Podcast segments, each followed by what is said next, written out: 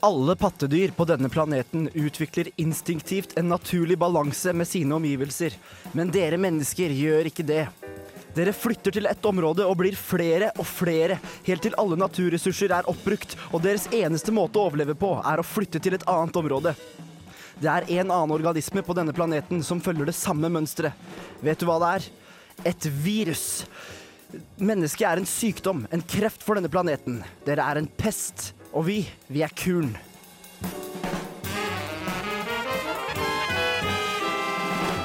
De lytter til Sekt.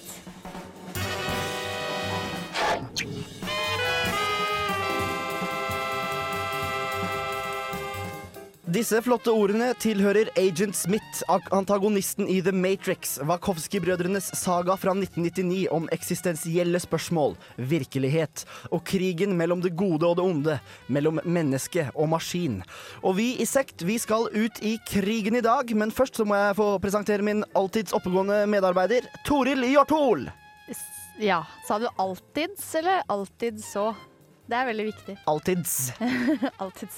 Alltids oppegående, altså ganske relativt oppegående nå også, på sekt her på Radio Revolt.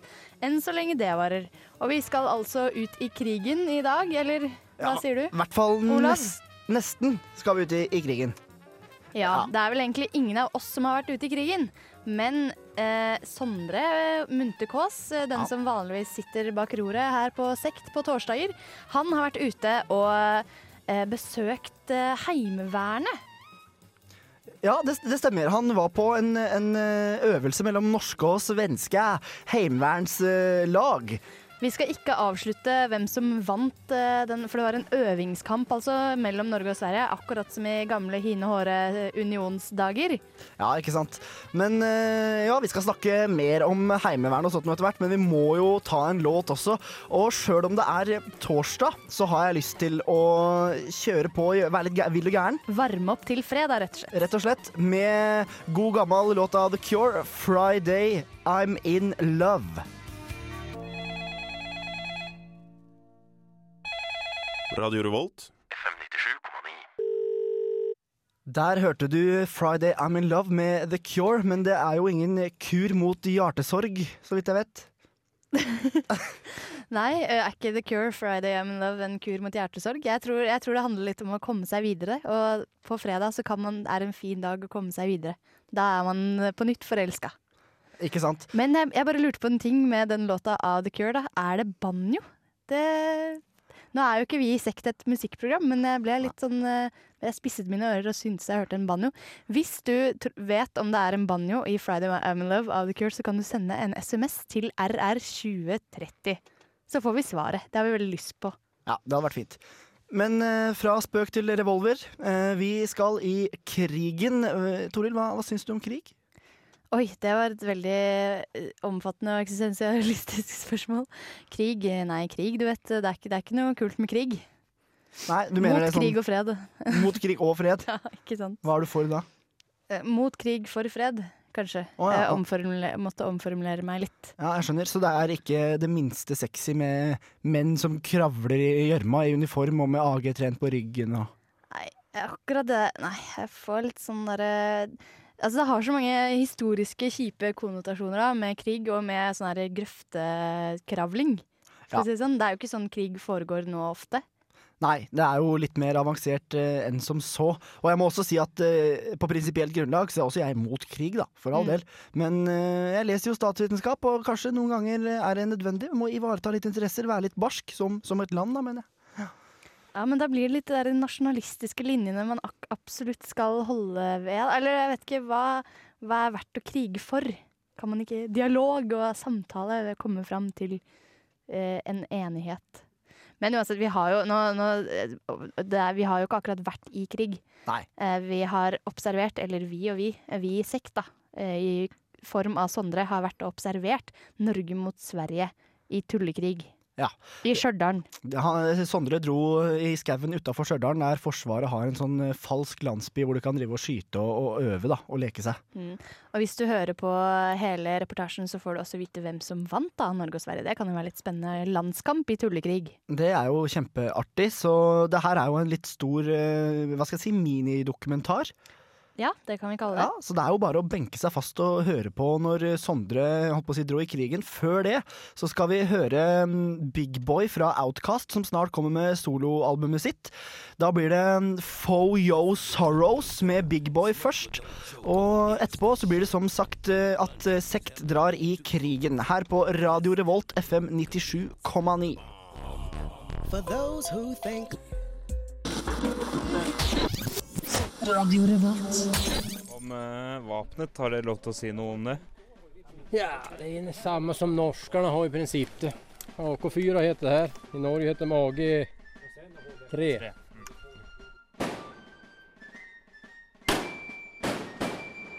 Men det handler først og fremst om, eh, om presisjon og ikke styrke. Det er presisjon og slipp granaten i rett tid, så du treffer det målet du skal kaste imot. Heimevernet! For å komme inn i denne historien må vi vende to måneder tilbake i tid. I sommer fikk undertegnede Sondre Munterkaas en invitasjon til å bli med på showøvelse fra Heimevernet. Anledning? Den såkalte kvadratmatchen.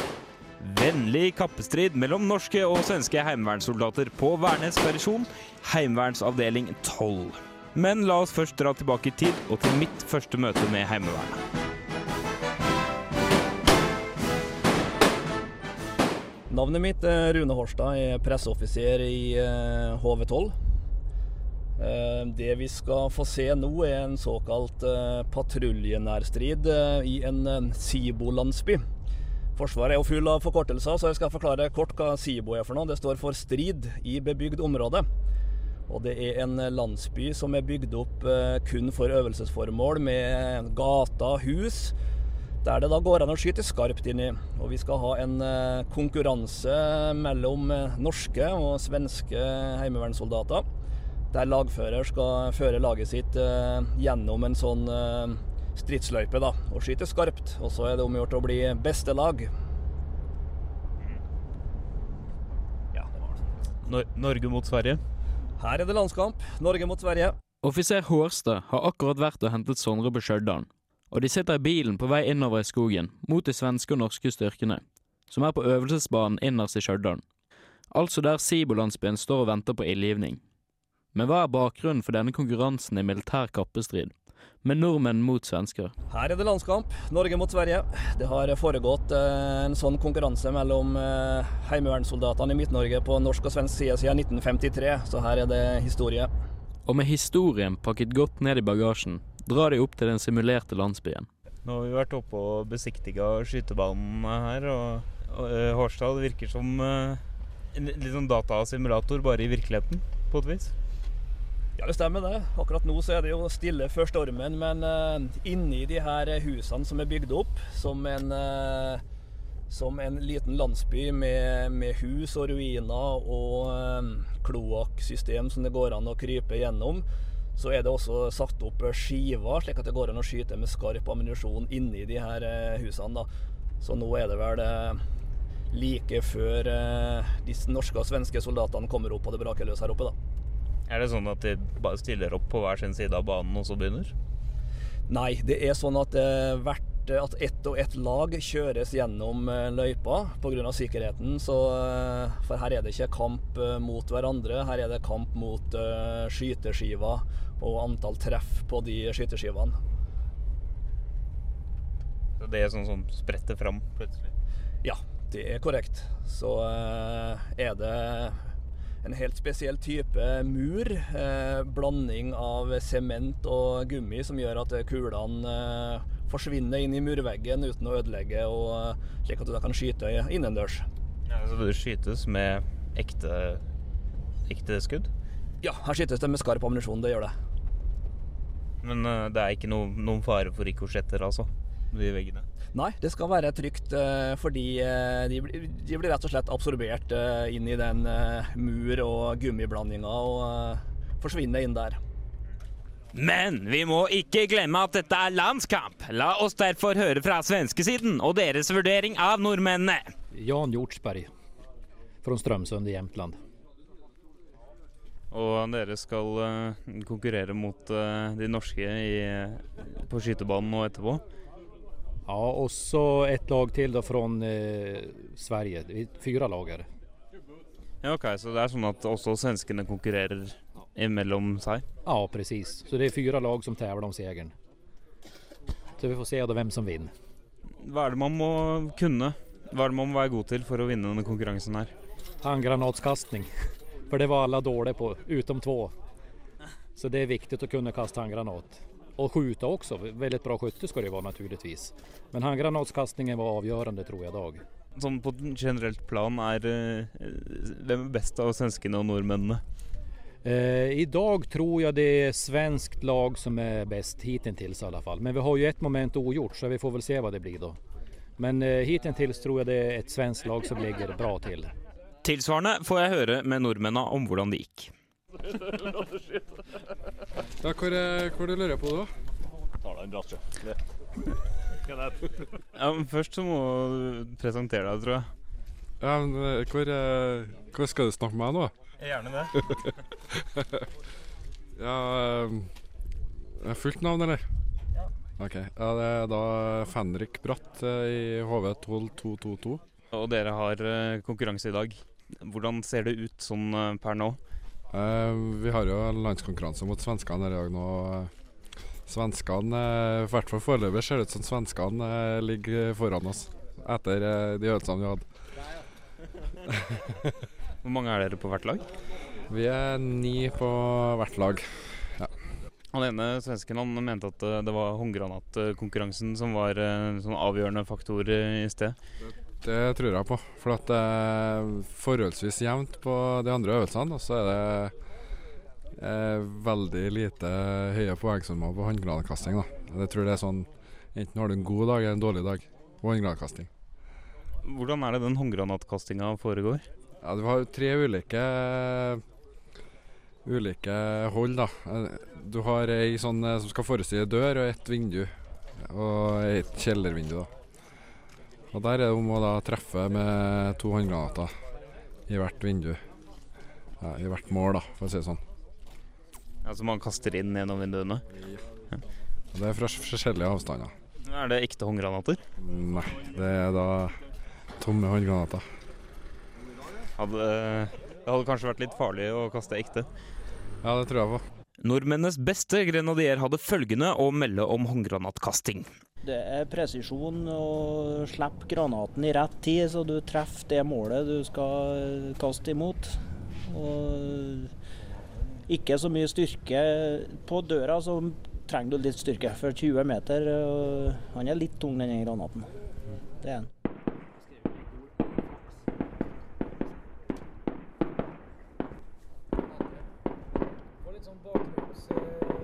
Jo kjempeintervju da, med sånn i bakgrunnen. Får dere noen gang trent med ekte, ekte granater på trening? Ikke Dere er bare øvingsgranater, ja. Ikke skarpe, nei. Det fins vel ikke i systemet heller, så ikke jeg vet.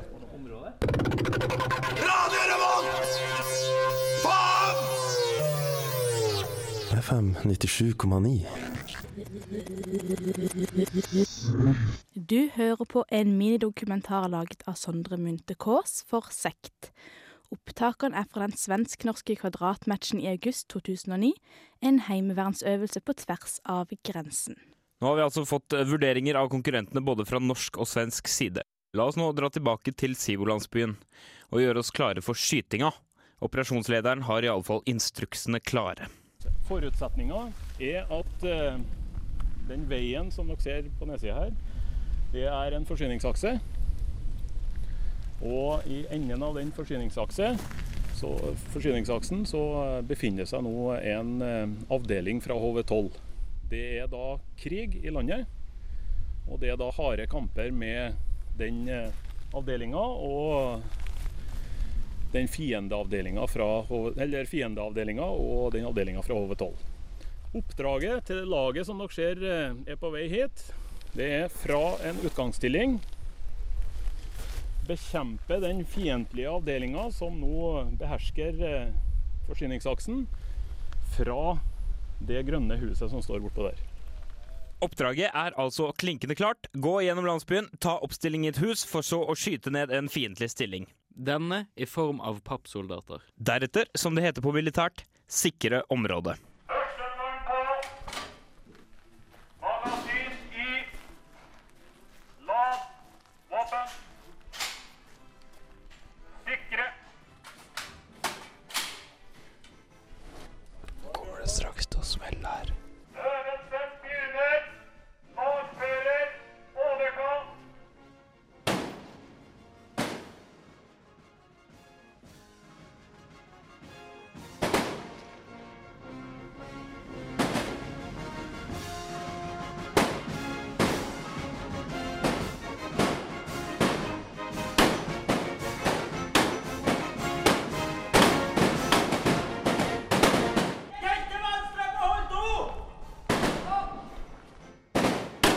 Det norske laget kommer til slutt til målet sitt. Det store, grønne huset. Og mens laget holder på med å destruere målene sine, lar vi en av svenskene fortelle litt om utstyret som de bruker. Ja men faen vet vi det där. Og her. här. Ja, hva er, er det der man har uh, skuddene? Ja. Hvor mange skudd går det i et magasin? 20. Fire magasin har vi. Ja, så 80 skudd. Jeg skal nå prøve å skape bilder i hodet ditt av hva svensken faktisk viser oss. Først holder han fram vesten sin. Tenk deg en fiskervest med ca. 250 lommer på. Grønn camo style. Og her det er vel ja her har vi glasögon til eksempel. Kniv. Her er en kompassveske. Så hvis man har med seg den vesten, så kan man greie seg ganske bra ute en god stund. Og så var det feltflaska, da. Den må jo sjølsagt med. Hvor mye tåler en sånn vannflaske? Ja. Hvor mye, hvor mye tåler den? Liter. Mm. Ja, jeg tenkte på skudd, jeg, da. Det fins jo som man kan koppla på og dra slang inn. Som har som en slang och sug Ja, En sånn camelback. Precis. Hjelm, da? Tåler hjelmen uh, skudd? Nei. hjelmen? Nej. Det er plast. Det er plast, ja. Så det er, det er mest for fall og sånn? Och så när man har stridsskytt och grejer så man jag ha sånt. Splitter och grejer. Hva er det for noe? Splitter från handgranater och grejer. Men så klarer jeg ikke helt å dy meg, da. Det ligger en sånn feit skytepang rett ved siden av vår svenske venn.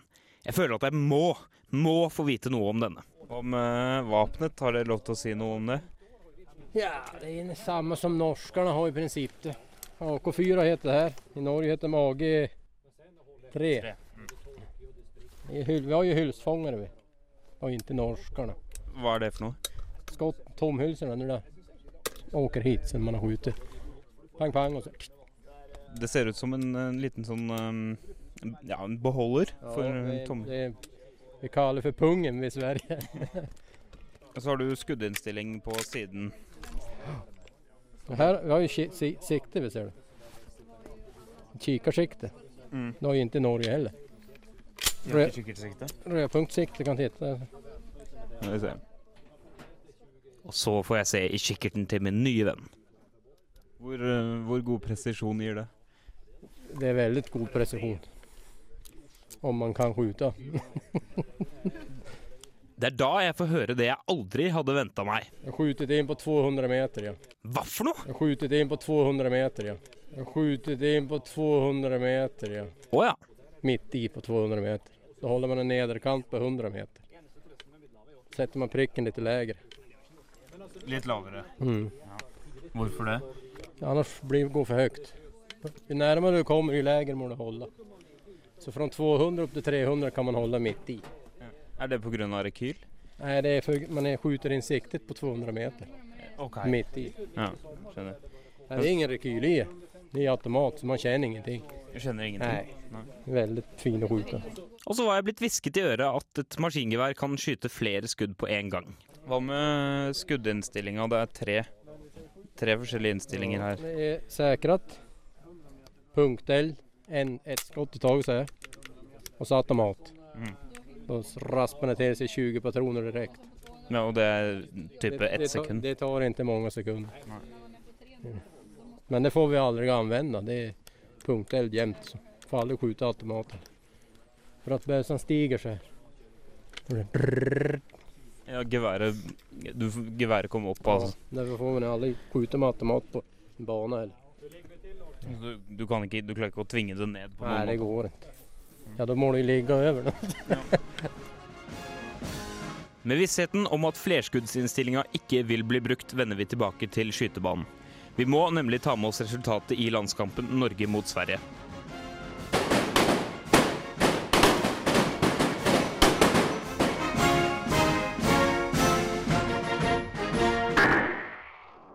Svenskene vant.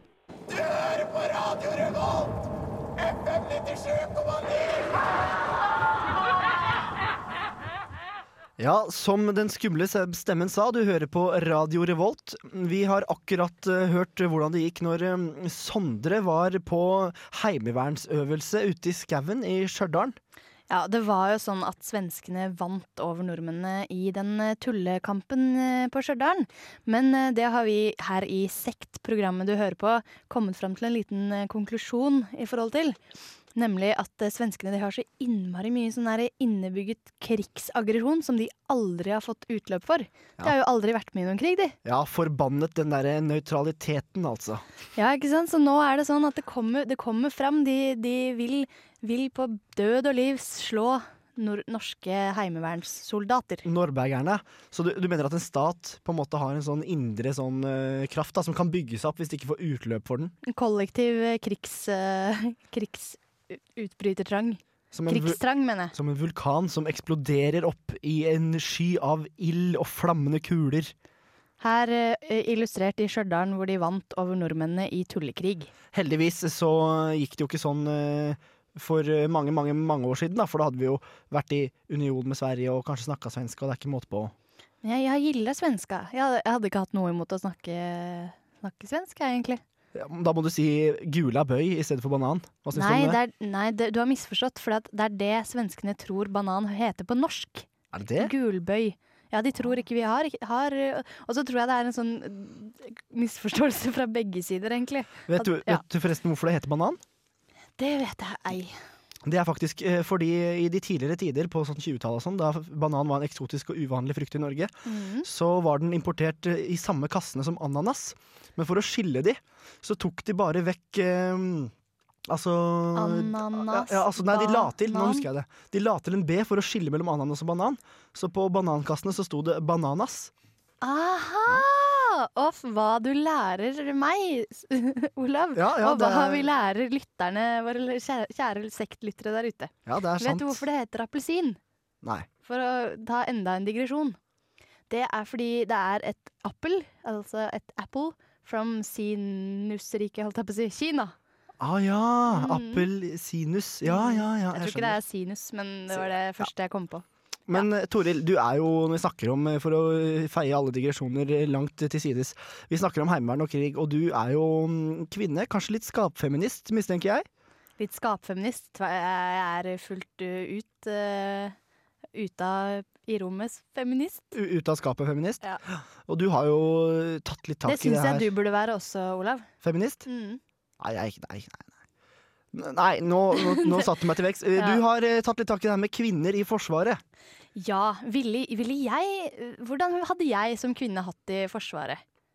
Det, det lurer jeg litt på, da. Men så kom det en artikkel som jeg leste i en avis, eh, hvor det var en sosialantropolog som heter eh, Ole Magnus Totland. Og han har altså forsket litt på, på liksom organisasjonskulturen i Forsvaret, da. Mhm. Mer spesifikt så har han vært i Telemarksbataljonen. Um, og det er jo, som kanskje dere vet, en uh, spesial... Altså det er spesialtrente norske soldater, og gjerne de som blir sendt på Nato-oppdrag utenlands. Ja, hvis du ikke drar til Kongo alene, da. ja. Det er tidligere Sjåstolv, uh, Sjåstolv sin lekebinge, altså, i Telemark. Eh, men uansett, han eh, sosialantropolog eh, Totland har vært deltakende observatør. Altså han var både kjønnsforsker og soldat. Det er jo ganske fiffig kombinasjon, kanskje. Jeg lurer på om han på en måte lata, faka veldig macho, en macho ja. innstilling til Jeg det hele, for å jeg liksom integreres i miljøet. Jeg ser liksom ikke for meg en sånn tørr akademiker, sosialantropolog, midt i de harde, barske gutta i Telemark. Han kan liksom ikke sitte inne blant, blant i køyesengene og skrive på Mac-en sin, eller Det er, det er ikke engang sikkert at sosialantropologiske menn sitter når de, nei, står når de tisser. Det kan hende de sitter, hvis de ikke er barske nok. Jeg vet ikke. Uansett, da. Eh, Studien hadde gjort, var eh, kropp, kjønn og identitet. Um, og det var noe med at eh, Ja, det, vi kommer mer tilbake til det etterpå, men Forsvaret er altså en organisasjon som liksom ja, alltid har vært for menn, og soldatrollen er veldig maskulin. Og de hadde noen utrolig morsomme, morsomme uttalelser, disse soldatene. Eh, men det skal vi få høre etter eh, Dizzie Rascal med Freaky Freaky. When you. Der hørte du Dizzy Rascal med Freaky Freaky. En veldig eh, litt sånn mannssjåvinistisk eh, sang i forhold til et litt mannssjåvinistisk Nei, et manneprega f- tema. Nemlig militæret og Forsvaret. Og vi i Sekt, vi har eh, sett på eh, en studie som godeste sosialantropolog Ole Magnus Totland har gjort av Telemarksbataljonen. Altså disse spesialtrente norske soldatene som gjerne blir sendt på Nato-oppdrag. Og så er det en veldig sånn Det er ikke på en måte Heimevernet, det er en spesial eh, forsvarsbataljon, da. Ja, det er skikkelig barske karer, tror jeg vi kan si. Ja, selvfølgelig tenker du det, men uansett så ble jeg litt skuffa over det de hadde å si i forhold til å få kvinner inn i Forsvaret. Jeg mener ikke at det er på en måte noe man burde strebe etter, men Forsvaret har jo litt lyst til å få kvinner inn i eh, Forsvaret. Ja, uh, og det noen av de gutta i Telemarksbataljonen sa, da, var at når de hadde hatt kvinner som prøvde å gjøre det samme fysiske utfordringene som dem. Så det var det de klaga på, at det lukter jo faen meg parfyme langt nede i trappa. Det, å svette, det tåler jeg. Dette er en militæravdeling, for faen. Det sier Chris da, fra Telemarksbataljonen. Og så sier Petter fra Telemarksbataljonen at eh, ja, vi hadde nok kanskje hatt sunt av å ha noen jenter i troppen, men egentlig så er jeg jævlig glad for at vi ikke har det. Du slipper faktisk unna en del faktorer, sånn som forhold og forelskelse. Mm. Og så sier Petter videre at der det er jenter, er det som regel knulling. Det er bare å være ærlig på det. Vise Viseord fra Petter i Telemarksbataljonen. Ja, men, men er, altså selv om det kanskje var litt klønete formulert, da, så er det jo Jeg vet ikke, altså, men her kommer vi til problemet eh, sex, og så kommer vi til problemet homofile i Forsvaret. Hvorfor skal det være så galt, og hva, hva skjer med altså, liksom Ødelegger det hele den derre Nå hauser vi hverandre opp og er skikkelig maskuline og adrenalinkick osv. osv. i Forsvaret. Jeg- For å utføre en kamp, et kampoppdrag. Jeg tror at eh, for å være en effektiv armé, så må man være relativt eh, homogen som gruppe. Man må identifisere seg med alle, og om at man har et felles mål for å kunne fungere bra. Fungerer du kun med ditt eget kjønn, da? Nei, eh, nei men jeg, jeg mener eh, det, det jeg mener, er at, eh, er at uh, kanskje i en så viktig og så pressa situasjon som strid, så er det kanskje greit å ha vissheten om at uh, hele gruppen din er med deg. Hele gruppen din er eh, av eh, akkurat samme mentalitet og oppfatning som deg selv. Du beveger deg ut på farlig eh, is, nå- eh, tynn is, farlig farvann. Eh, fordi at du mener at liksom, du, kunne ikke, du kunne ikke stolt på at en kvinne Ja, hva er det du ikke Hvorfor kunne du ikke stolt på at en kvinne være- ville vært med deg i en strid? Nei, jeg har egentlig ikke noe godt motargument, men jeg prøver å belyse saken fra flere sider her, sånn at vi Ja. får et nyansert og balansert program. Ja, det er, godt noen forsøker. men, men det er jo litt sant at kanskje man som mann kunne vært litt redd for at en kvinne ikke kunne båret, eh, båret alt utstyret og deg selv, måte, hvis eh, du hadde blitt skadeskutt. Ja, absolutt. Så det er jo det er Selvfølgelig er det et eh, lite poeng med problematikken, fordi at på en måte i forhold til utstyr som er laget eh, kun for menn, og, osv., så videre og at, at eh, kvinner De får for eksempel ikke eh, den samme forsikringen i Forsvaret fordi de, fordi de er nødt til å bruke annet utstyr enn det som de får utdelt i Forsvaret. Og dermed er de under en sånn fors, fors, eh, forsikringsopplegg hvor de ikke er forsikra fordi de ikke bruker akkurat det, ja, det utstyret de skal bruke. Jeg skal snakke rett fra levra nå, Toril. Jeg datt ut. Du Lite datt grann.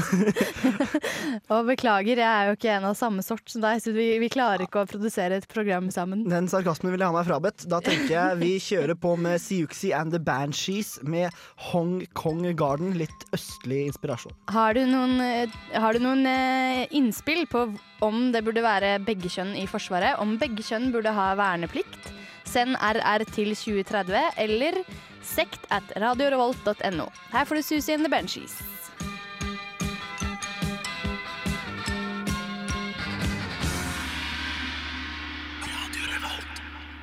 Du hører på Radio Revolt, og der hørte du Hong Kong Garden med Susie and the Banshees. And the Banshees. Det er bandet, da. Bandet. Du må alltid presisere. Susie and the Banshees er lik bandet. Hong Kong Garden er lik sangen. Ja. Takk, eh, takk for innspill. Eh, som jeg sa helt innledningsvis, så begynte jeg med et sitat fra The Matrix, som jeg syns er en kul film. Og noe av det som skjer der, er jo at maskinene har blitt var sin egen eksistens. Og vi snakka om militære og krig eh, tidligere i dag. Og det jeg tenker på da er jo nå som eh, faktisk eh, enkelte land har begynt å ta i bruk roboter i forsvaret sitt. Hva Du er, redd, skjer? du er redd for at robotene skal invadere oss? Ja. si. Vi har jo alle sett filmer som Terminator eller iRobot eller The Matrix her. Og der er robotene helt bevisste, helt selvstendige og gjør egeninitierte handlinger som ikke noen mennesker står bak, og det er jo litt skummelt. Ja, men, men i Matrix der, er jo- der er jo utviklingen av roboter kommet ganske mye lenger. Eller? Ja, men den går jo framover hver eneste dag i, i vår verden også, med forskning og lignende. Men det, med, det man er redd for, er altså at robotene skal innta, eller skal få en egen bevissthet. Ja, og innta en fiendtlig holdning mot oss mennesker. Da er det jo bare å sørge for at robotene har det fint, i, og ikke, ikke er for så stor IQ at de skjønner at det vil lønne seg for, hvis robotene forener seg. Ja, men Problemet er jo at eh, for å få intelligente nok roboter til å være stridsdyktige, så må de ha såpass med IQ at uh, man risikerer da, ifølge i hvert fall disse filmene, og at de blir Nå tar vi, nå tar vi kun ut, utgangspunkt i Terminator og iRobot. Yes, da. Nei, det er et yndet tema i filmen, men sånn jeg ser på det, da, så er, kan det jo hende at, eh, eh, at eh, mennesker nettopp ikke klarer Fordi de, for å bli litt filosofisk, så er jo ikke mennesker eh, bevisst nok sin egen bevissthet. Eller de vet jo ikke egentlig hva sin egen bevissthet er for noe, så hvordan klarer de da å, å lage det i en robot? Ja, det, det er godt sagt, og det er jo også et tema Matrix tar opp, det med bevissthet og hva er virkelighet. For menneskene i The Matrix er jo kobla opp til et dataprogram som heter Matrix, og de, de tror at dette er eh, virkeligheten med alle de deilige tingene som det medfører av både mat og drikke og kjønnslig kos og alt sånt noe, mens de egentlig ligger i en sånn slags eh, et, et kammer da, kobla til det dataprogrammet. Og det er jo akkurat som eh, Jeg har jo stått eh, X-Fill, det har vel du òg? Sliter du, med, sliter du med å tro at du lever i en verden om dagen, Olav? Nei, nei, men jeg syns det er en interessant problemstilling da, med hva som er virkelighet og hva som ikke er det. For det jeg vil fram til nå med X-Fill, som jeg sa, det her er jo hulelignelsen til Platon. Oi, du vil så langt tilbake? Ja, jeg vil så langt Til tilbake. tenkerne fra da, ja. Ja, man må se sammenhengen her. For den går jo ut på at en mann som har levd i en hule hele livet og bare sett skyggene av seg selv Mm, ja, på en det vegg sant. Det er han- en stund siden jeg sto i X-Fill, Ja. Han, han vil jo tro at disse skyggene er virkeligheten, for det er alt han har sett. Men hvis han en dag slippes ut og ser den virkelige virkeligheten, hvordan går det da? Hva skal han tro, og hva skal han si til sine venner i hulen, som fortsatt ikke har sett noe annet enn hulens vegg av skygger? En annen kobling, Fritzelkjelleren. Eller, hvordan går, jeg vil gjerne ha en oppdatering på disse barna. Ja. Om de er blitt helt eh, sprø i knollen, eller om det går relativt greit med dem. Og om var de bevisst en annen verden utenfor disse, denne kjellerens fire vegger? Nei, Det er ikke godt å si. Jeg, eh, I huset der jeg vokste opp, så hadde vi en kjellerstue med masse TV-spill som jeg var glad i, så jeg satt der veldig lenge av gangen. Ikke 24 år, men eh, en stund. Du, du ble, men du fikk mat på døra, og så var det sånn bank, bank. Olav, vil du ha mat? Ja, sett igjen. Jeg sitter og spiller TV-spill. Ja, det var litt sånn. Så Du, har, du, har blitt, du har utviklet deg nokså godt fra, siden den gang. eh, Kan vi kanskje si? ju- Just a tad, som de sier in plain British. Oh yes. Du hører på Radio Revolt FM 97,9. Nå får vi De La Soul, det er bandet, med låta La La La. Ja, så det er De La Soul som er bandet. De La Soul. Det er veldig chill nå på torsdagskvelden. Ja. La La La.